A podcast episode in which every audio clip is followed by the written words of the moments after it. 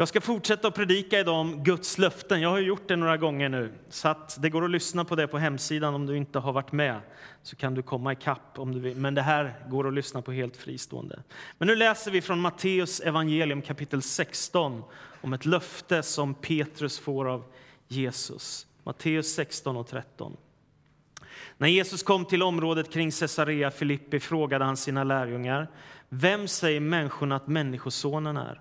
De svarade somliga säger Johannes döparen, andra säger Elia och andra Jeremia eller någon profet.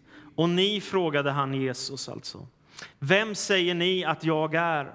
Simon Petrus svarade, du är Messias, den levande Gudens son.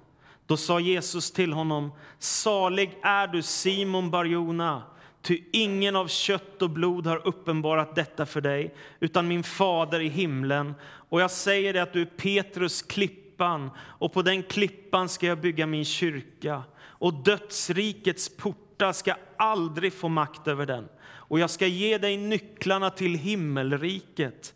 Allt du binder på jorden ska vara bundet i himlen och allt du löser på jorden ska vara löst i himlen. Sedan förbjöd han sina lärjungar att tala om för någon att han var Messias. Det här är en oerhört dramatisk bibeltext. Och I denna bibeltext så ställs den yttersta frågan på sin allra skarpaste spets, nämligen vem är Jesus? Och så har lärjungarna hört att det går samtal om vem Jesus är. Att han är en profet, Jeremia, Elia, Johannes eller någon av de här stora gestalterna. Är han en historisk ledare, en stor profet? Den frågan avgör ju allt. Och så kommer Jesus till nästa fråga. Vem säger ni att jag är? Och då svarar Simon Petrus, som alltid först ut. Du är Messias, den levande Gudens son. Och det svaret tänker jag, det avgör precis allting. Jesus Kristus är den som Gud har sagt skulle komma, den som är förutsagd av alla dessa hundratals profetier. Messias, den utlovade. Det är Jesus som är den utlovade Messias, som fullbordar de profetiska orden. Men inte bara det. Jesus har på ett unikt sätt med Gud att göra och det är därför som han kallas för Guds son. Han är inte bara profet, utan han är Kristus, Herren, Frälsaren. Därmed är Jesus världshistoriens viktigaste gestalt. Det finns ingen som honom som har vandrat på den här jorden genom historien.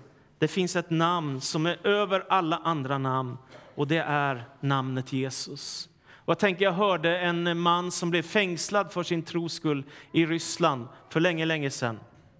Och så satt han i fångenskap under ett antal år. Och så sa en av mina vänner till honom, vad gjorde du när du satt i fängelse för din tros skull? Och då sa han, jag sa Jesus, Jesus, Jesus. Jag tänker det namnet det finns kraft, det finns glädje, det finns frälsning, det finns styrka, välsignelse. Men det som händer när Simon Petrus har sagt detta, det är att han får ett makalöst svar av Jesus. Jesus säger, Petrus, du är klippan och på den klippan ska jag bygga min kyrka och dödsrikets portar ska aldrig få makt över den och jag ska ge dig nycklarna till himmelriket. Vilket löfte som Petrus får av Jesus. Jag ska bygga min kyrka och den ska aldrig besegras av dödsrikets eller helvetets portar, som det står i någon annan översättning. Och du får nycklarna till himmelriket. Varsågod Petrus. Är ni med vad Jesus säger? Det är någonting enormt. Och det har gått nästan 2000 år nu sedan de här orden sades. Och jag tänker på, jag har besökt kyrkor till exempel i Afrika och USA som samlar kanske 20-30 000 människor i jättestora kyrkor i stora städer. Och människor kommer tillsammans för att tillbe. Det är Guds församling. Men jag har också varit i små lerhyddor i Afrika eller i små samhällen i Sverige med små, små kyrkor i byar eller små samhällen som bara samlar några enstaka människor eller några tiotal människor. Och det är också Guds församling som bygger på det löfte som Jesus har gett oss. Så Jesus Kristus ger ett enormt löfte till sin församling. Och församlingen är faktiskt, kyrkan är den största rörelsen i mänsklighetens historia. Det finns ingen rörelse någonsin som har blivit större än den om man räknar samman alla kyrkor som finns i världen. Så jag vill uppmuntra dig till att lära dig att lita på Guds löften, att våga leva i Guds löften och särskilt eftersom livets omständigheter skiftar så oerhört mycket, att ändå våga tänka Gud är trofast, han följer mig alla dagar. Lär dig att lita på hans löften. När Jesus säger att dödsrikets portar aldrig ska få makt över hans kyrka så kan man tänka, okej, okay, Aha, han lovar bara glädje, framgång, välsignelse och en räkmacka. Livet kommer bara svischa till och allt blir enkelt och bra. Men det är faktiskt inte det han säger. Han säger inte att vi slipper kamp eller prövningar eller svårigheter. Nej, det kan bli en hård strid. Däremot har han lovat att aldrig någonsin överge sin kyrka, att aldrig någonsin dödsrikets portar ska få makt över den, utan vi kan lita på Guds godhet och hans trofasthet emot oss.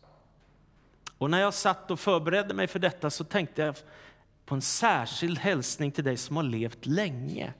Du som är gammal, när nu hälsan kanske sviktar eller du tänker att livet kanske inte, kanske inte är så lång tid kvar. Då finns ett fantastiskt bibelord i Jesaja 46 och 4 som en hälsning. Så här säger profeten. Ännu när ni blir gamla är jag densamme, säger Herren. Ännu när ni har grånat ska jag bära er. Jag har skapat er, jag ska lyfta er, bära er och rädda er. Och jag tänker att det är så stort att Gud inte är med bara en del i livet, utan han igen, följer oss alla dagar genom vårt liv. Och det är inte så när han har fört dig långt på vägsträckan att han kommer att lämna dig till sist och du får klara sista biten själv. Nej, det står i Saltaren 145 och 13. Gud håller sina löften och han är kärleksfull i allt som han gör. Och jag tänker på gamle Abraham som var 80 år när han fick sitt livs största utmaning. Och så står det i Romarbrevet 4, inför Guds löfte så tvivlade han inte i otro utan fick kraft genom tron och han gav Gud äran och var förvissad om att det Gud har lovat kan han också infria. Visst är det fantastiskt? En gammal människa som har levt ett långt liv och som ändå vågar lita på Guds löften och får vandra tillsammans med Gud. Vad är det då som kyrkan har fått för löften? Låt mig rada ett antal exempel. För det första så har vi fått löfte om ett nytt liv. Vi är ju skapade att vara människor, Guds avbilder, det är fantastiskt. Men sen gör Jesus Kristus en nyskapelse i den människa som öppnar sig och sitt hjärta för Jesus Kristus så står det i Andra Korinthierbrevet 5 och 17, den som är i Kristus är alltså en ny skapelse. Det gamla är förbi och något nytt har kommit. Och jag tycker så enormt mycket om att det återkopplar till skapelseberättelsen. Alltså den som blir kristen går inte iväg och blir någonting konstigt, utan kopplar tillbaka till ursprunget. Det som hände när Gud en gång satte igång världen, det händer en gång till, fast i ditt hjärta. Du blir en ny skapelse i Jesus Kristus när du öppnar ditt hjärta för honom och du får tillgång till himmelriket. Ett av de finaste minnen som jag har i mitt liv det var när vi var på en barn och ungdomskonferens i Tanzania i Afrika. Och det var våra missionärer, en familj som heter Klingbergs, som hade byggt upp ett antal församlingar där som växte så det knakade. Och det var fantastiskt att komma dit. De hade varit verksamma i drygt 20 år då, tror jag om jag minns rätt. Och då, när vi samlade ihop alla barnen och ungdomarna som var resultat av deras missionsverksamhet så kom 800 barn och ungdomar på grund av det arbete som de har varit med och utfört under många år. Och så hade vi gudstjänst och så var det predikan och när det var förbön, det var inte som här att lite försiktigt går man fram, utan de kastade sig fram i kyrkan, ner på golvet och slängde sig och käre Gud, ropa till Gud om hans nåd och kraft och hjälp i livet. Och så när gudstjänsten var färdig så fick min afrikanske pastorskollega John han fick gå ner i dopgraven med 26 personer som hade bestämt sig för att följa Jesus och lämna allt till honom. Det är ett fint minne jag har av vad det kan betyda när man öppnar sig för Jesus. Han har också lovat att ge ett syfte med det liv som vi har fått. Kom ihåg det. I Romarbrevet, det åttonde kapitlet och den 28 versen står det Vi vet att Gud på allt sätt hjälper dem som älskar honom att nå det goda, de som han har kallat efter sin plan. Så han kallar på oss, han har en plan för det liv och för den församling som vi finns i och han vill hjälpa oss och vill att vi ska nå det goda. Det finns ett syfte med varför du är här. Gud har gett dig ett antal gåvor, han har gett dig en, ett antal resurser, han kanske har gett dig en familj. Du har ett antal saker som du kan göra med ditt liv och som du också kan få använda för Guds rike. Det finns ett syfte med ditt liv. En av de finaste händelser i mitt liv det var när jag satt med en av mina tidigare bibelskoleelever och så sa han till mig, jag har sagt det någon gång förut också, va, mitt, vi satt på en restaurang mitt ute på stan där, så sa han, varför knackar Gud så hårt på mitt hjärta? Och då sa jag, det vet jag inte, men jag tänker att det är din största lycka, att Gud vill någonting med ditt liv och att han har förberett någonting för dig. Och idag så är han i tjänst, leder en församling en bit norrut här. Så är det. Gud har en tanke med ditt liv och jag tänker att den dröm som du bär på i ditt hjärta, att du inte ska ge upp den. För det är inte så enkelt att förverkliga det som Gud har tänkt med ditt liv och det är inte så enkelt att lyckas med om man har en familj, om man har ett äktenskap, om man har lite vänner man vill hjälpa. Det är en, det är en utmaning hela tiden. Men en väldigt, väldigt viktig utmaning. Det finns en väg, ge inte upp din dröm. En sak till. Jesus har lovat att vara mitt ibland oss när vi samlas i hans namn. Visst är det fantastiskt? Och jag tänker ibland så här, när man tänker på att Jesus är här, så tänker jag, hur vågar jag säga någonting? Man borde bli tyst. Och tungan borde svullna upp och ögonen borde sluta så man känner, Gud, Jesus, om du är här, så då är detta för stort för oss. Då är det här alldeles fantastiskt och det är alldeles för futtigt, det som vi investerar för dig och för ditt rike. Där två eller tre är samlade i mitt namn är jag mitt ibland dem. När jag var ung så hade min familj en sommarstuga på Öland. Och min familj, vi åkte dit varje sommar. Min pappa han var Ölandstok, tror jag man kan säga. Så vi skulle vara där varenda sommar, varje sommar. Så jag var så trött på de här fina sandstränderna och allt så. Där skulle vi vara hela tiden, långa somrar. Jag hade lite kompisar som tur var, så är det. Men i alla fall så minns jag att vi åkte på en gudstjänst på Löttorps camping. Det finns en kristen camping på norra Öland som heter Löttorps camping.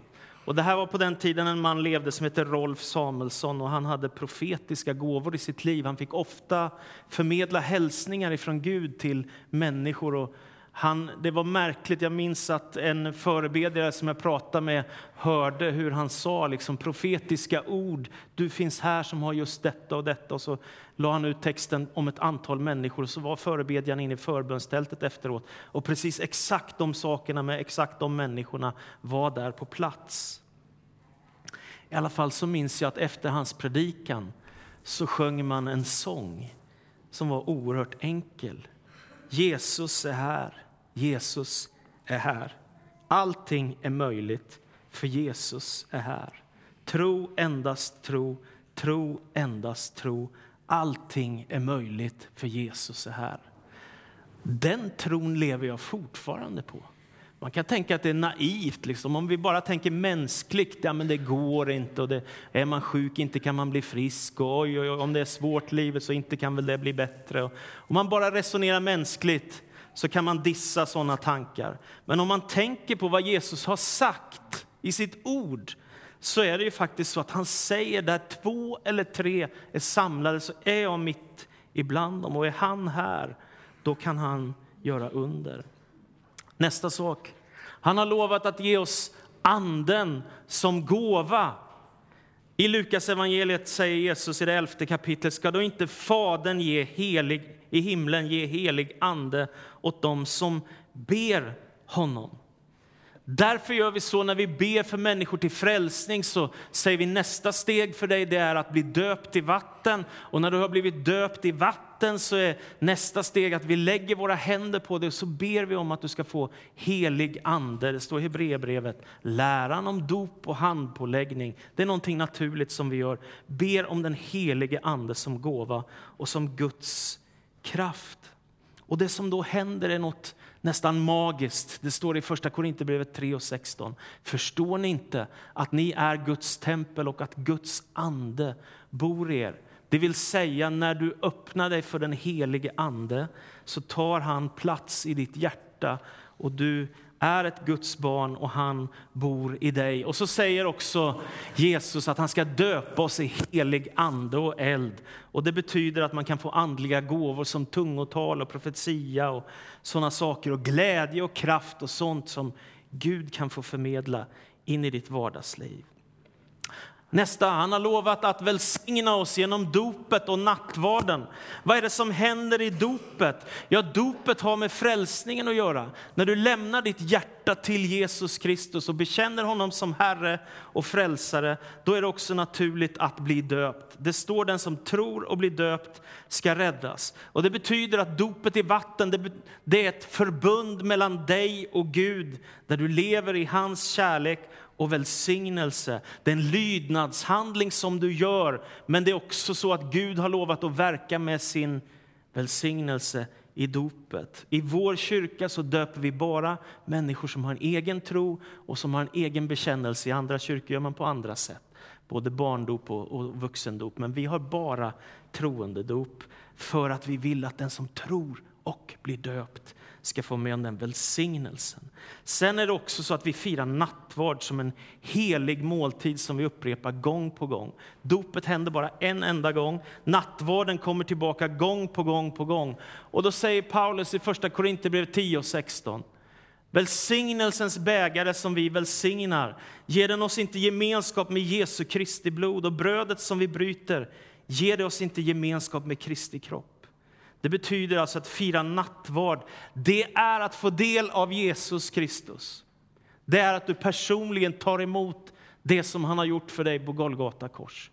Det är inte bara en symbol, det är något mer. Du bekänner att Jesus är Herre och du tar emot hans kropp och blod som har blivit utgjuten för din frälsning och för min frälsning. Det är så vackert. Därför älskar jag nattvardsköer. Jag tycker det är så vackert att se människor som väntar på att få ta emot brödet och vinet som gestaltar och symboliserar Jesu död på korset. Han har också lovat att ge oss nåden som gåva nästa. Nåden som en gåva. Det är oerhört lätt att köra fast i livet. Har du tänkt på det? Så många saker som gör att vi kan fastna eller felsteg som gör att vi tänker det är kört för mig. Det går aldrig. Jag får lägga ner. Jag har gjort så dumma saker. Jag får sluta gå i kyrkan. Eller jag fixar inte det här. Bibeln säger att vi alla är i behov av förlåtelse. Men då tänker jag att jag har en hälsning till dig idag. Och det är att hur många misstag du än har gjort så har Gud fortfarande en plan med ditt liv. Annars är Golgata helt meningslöst. Om det är så att man kan förbruka nåden efter några år, att det är kört, då är det ju meningslöst att Jesus dog. Men nu dog han en gång för alla människor för att segra över allt det som har blivit fel i vårt liv. För att du och jag ska stå fria. Och det betyder att hur många misstag du än har gjort i ditt liv så har Gud fortfarande en plan för ditt liv.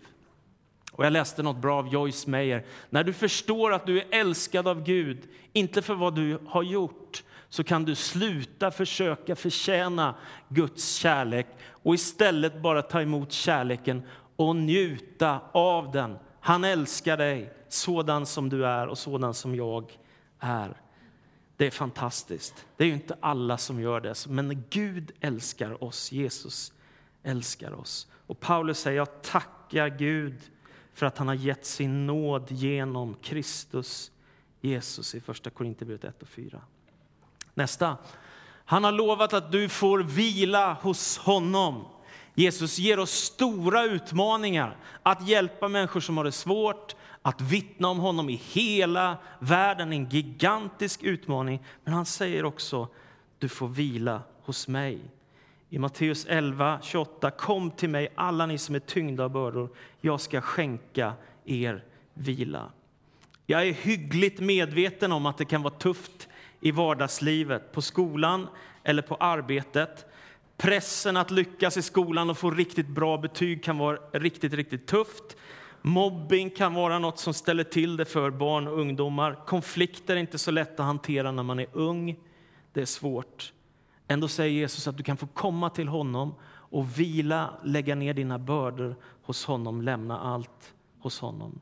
Jag vet också att det kan vara tufft på jobbet när man tänker precis att nu har jag äntligen lyckats med att få ihop det perfekta arbetslaget. Jag kommer få den bästa tiden framöver som chef på jobbet, kanske du tänker. Och så helt plötsligt så kommer någon konflikt och så är det någon som tyckte att det du sa var inte bra och hur ska vi göra med det här? Och så får du hantera det. Eller så är det tvärtom, att du är medarbetare och så tycker du att din chef, hur kan han bara? Eller hur kan hon tänka? Och så ska man hantera det. Och då tänker jag att jag också har en hälsning till dig. Du kanske har svårigheter just nu i det du går igenom, eller det som ligger bakom. Men jag tänker att din framtid behöver inte styras av det som ligger bakom. Och jag tänkte också så här, lämna dina besvikelser och motgångar i ditt liv hos Gud. Bär inte med dig dem. Det är oerhört lätt att göra. Om någon säger något som är sårande, om du möter någonting som du inte var förberedd på, om du gör någon annan illa fast du inte vill det. Det är så oerhört lätt att bära med sig bördorna, motgångarna, prövningarna, besvikelserna. Du kan få lämna dem hos Gud. Och jag tänkte faktiskt att det, det där funkar. Nej, jag tänker inte bära med mig det. Nu räcker det. En av mina vänner han sa så här, det finns ett bäst före-datum på dåliga upplevelser. Det räcker någonstans att älta, älta, älta. Alltså, någonstans får det ta stopp, annars blir livet rätt tråkigt. Nästa. Han har lovat oss profetians gåva. Det här längtar jag efter i vår kyrka, att det skulle komma loss. Jag har varit med om det många gånger, att, att människor har fått profetiska ord, det vill säga att någon får höra en hälsning ifrån Gud och så får förmedla vidare det, som har förvandlat människors liv. Jag har sett det ett antal gånger. Det har hänt i mitt eget liv. Jag tror inte jag skulle stått här idag och överhuvudtaget om inte jag hade fått profetiska hälsningar. Alltså att någon annan människa har lyssnat till Guds röst och fått ge det vidare rakt in i mitt vardagsliv eller kanske in i ditt vardagsliv. Det är fantastiskt. Vi behöver söka profetians gåva. Paulus skriver sträva efter kärleken, men sök också vinna de andliga gåvorna, helst gåvan att profetera. För den som profeterar, han talar till människor, han bygger upp, förmanar och tröstar. Så att få någonting av den här profetiska skärpan, det är oerhört viktigt. Jag har vuxit upp i en församling där det fanns en man som hette Olof Djurfält. Han hade en mycket stark profetisk gåva. Och ofta var han framme och delade hälsningar ifrån Herren och det gjorde starka avtryck i många människors liv. Och vi behöver mer av det. Och jag vill också bara säga kort att det måste naturligtvis alltid prövas. Vi är bara människor. Och även om vi profeterar så måste vi pröva det profetiska. Nästa. Han har kallat oss att be för sjuka människor. Det finns en ordning som ges i Jakobs brev, det femte kapitlet. Där säger Jakob, är någon av er sjuk ska han kalla till sig de äldste i församlingen och de ska smörja honom med olja i Herrens namn och be böner över honom. Och jag tänkt, det där, vi måste börja praktisera det där mer och mer. Jag tänker så här, jag ska be för alla jag kan be för. För även om inte alla blir friska så tänker jag det är så många människor som har det svårt så många människor som lider. Så jag tänker varenda förbön vi skickar med, det är välsignat. Va? Och det är ingen läkare som slutar att behandla patienter för att inte alla blir friska, utan man fortsätter att försöka hjälpa människor, man fortsätter försöka be. Och Eh, jag, jag, tänker också där, den här kampen som finns kring hälsan i alla människors liv. Alla människor blir ju sjuka från och till. Den här kampen som finns, Den fanns också bland de första kristna. Paulus han är med om enorma under. I Lystra, när han kommer dit, så får han be för en lam man som blir frisk och som reser på sig och som blir fullständigt helad i sin kropp. Samma Paulus som är med om det enorma undret att en lam man reser sig och börjar gå. Han säger till församlingen i Galatien, ni vet att det var på grund av sjukdom som jag första gången kom till er för att förkunna evangeliet för er. Min kroppsliga svaghet frestade er inte till förakt eller motvilja, utan ni tog emot mig som en ängel från Gud eller som Kristus Jesus själv. Och en gång när han ber Gud ta bort den här taggen som sticker honom, en bild han använder, så säger Gud, min nåd är allt du behöver. Det är väl ett märkligt bönesvar. Man vill ju alltid ha bönesvar som man tänker själv, eller hur? Men ibland får man kämpa på det här området. Men oavsett det så tänker jag att vi ska be mycket för människor som är sjuka. Och när det ringde i telefon till mig här för några veckor sedan och någon berättade om någon som är väldigt allvarligt sjuk så känner man ju, gode Gud, hur skulle vi kunna göra något annat än att be för dem som är sjuka? Och till sist, han har lovat att ingenting kan skilja oss från Guds kärlek. Ingenting. Paulus skriver i Romarbrevet 8.38. Jag är viss om att varken död eller liv, varken änglar eller andemakter, varken något som finns eller något som kommer, varken krafter i höjden eller krafter i djupet eller något annat i skapelsen ska kunna skilja oss från Guds kärlek i Kristus Jesus, vår Herre. Det har Gud lovat. Man kan naturligtvis vandra bort från Gud, det får man göra om man vill.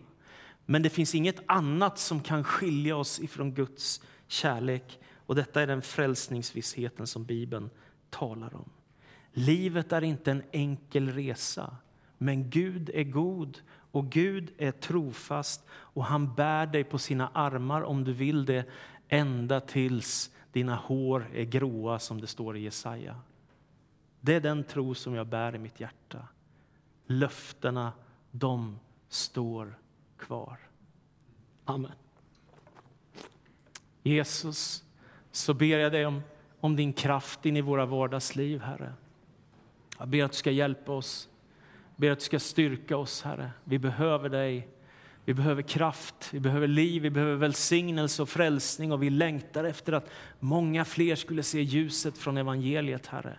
Det är vår längtan, Herre. Vi, vi, vi, längtar efter att fler skulle få vara med om helande. Vi längtar efter att höra fler profetiska ord. Vi längtar efter att få ta emot din nåd, din förlåtelse, att få vila hos dig, Herre. Få leva för dig och med dig och i dig. Tack för att du hjälper oss, Jesus. Hör vår bön och kalla på den idag som behöver komma närmare dig, Jesus. Jag ber om det. Kalla på den som behöver dig idag, Jesus. Amen.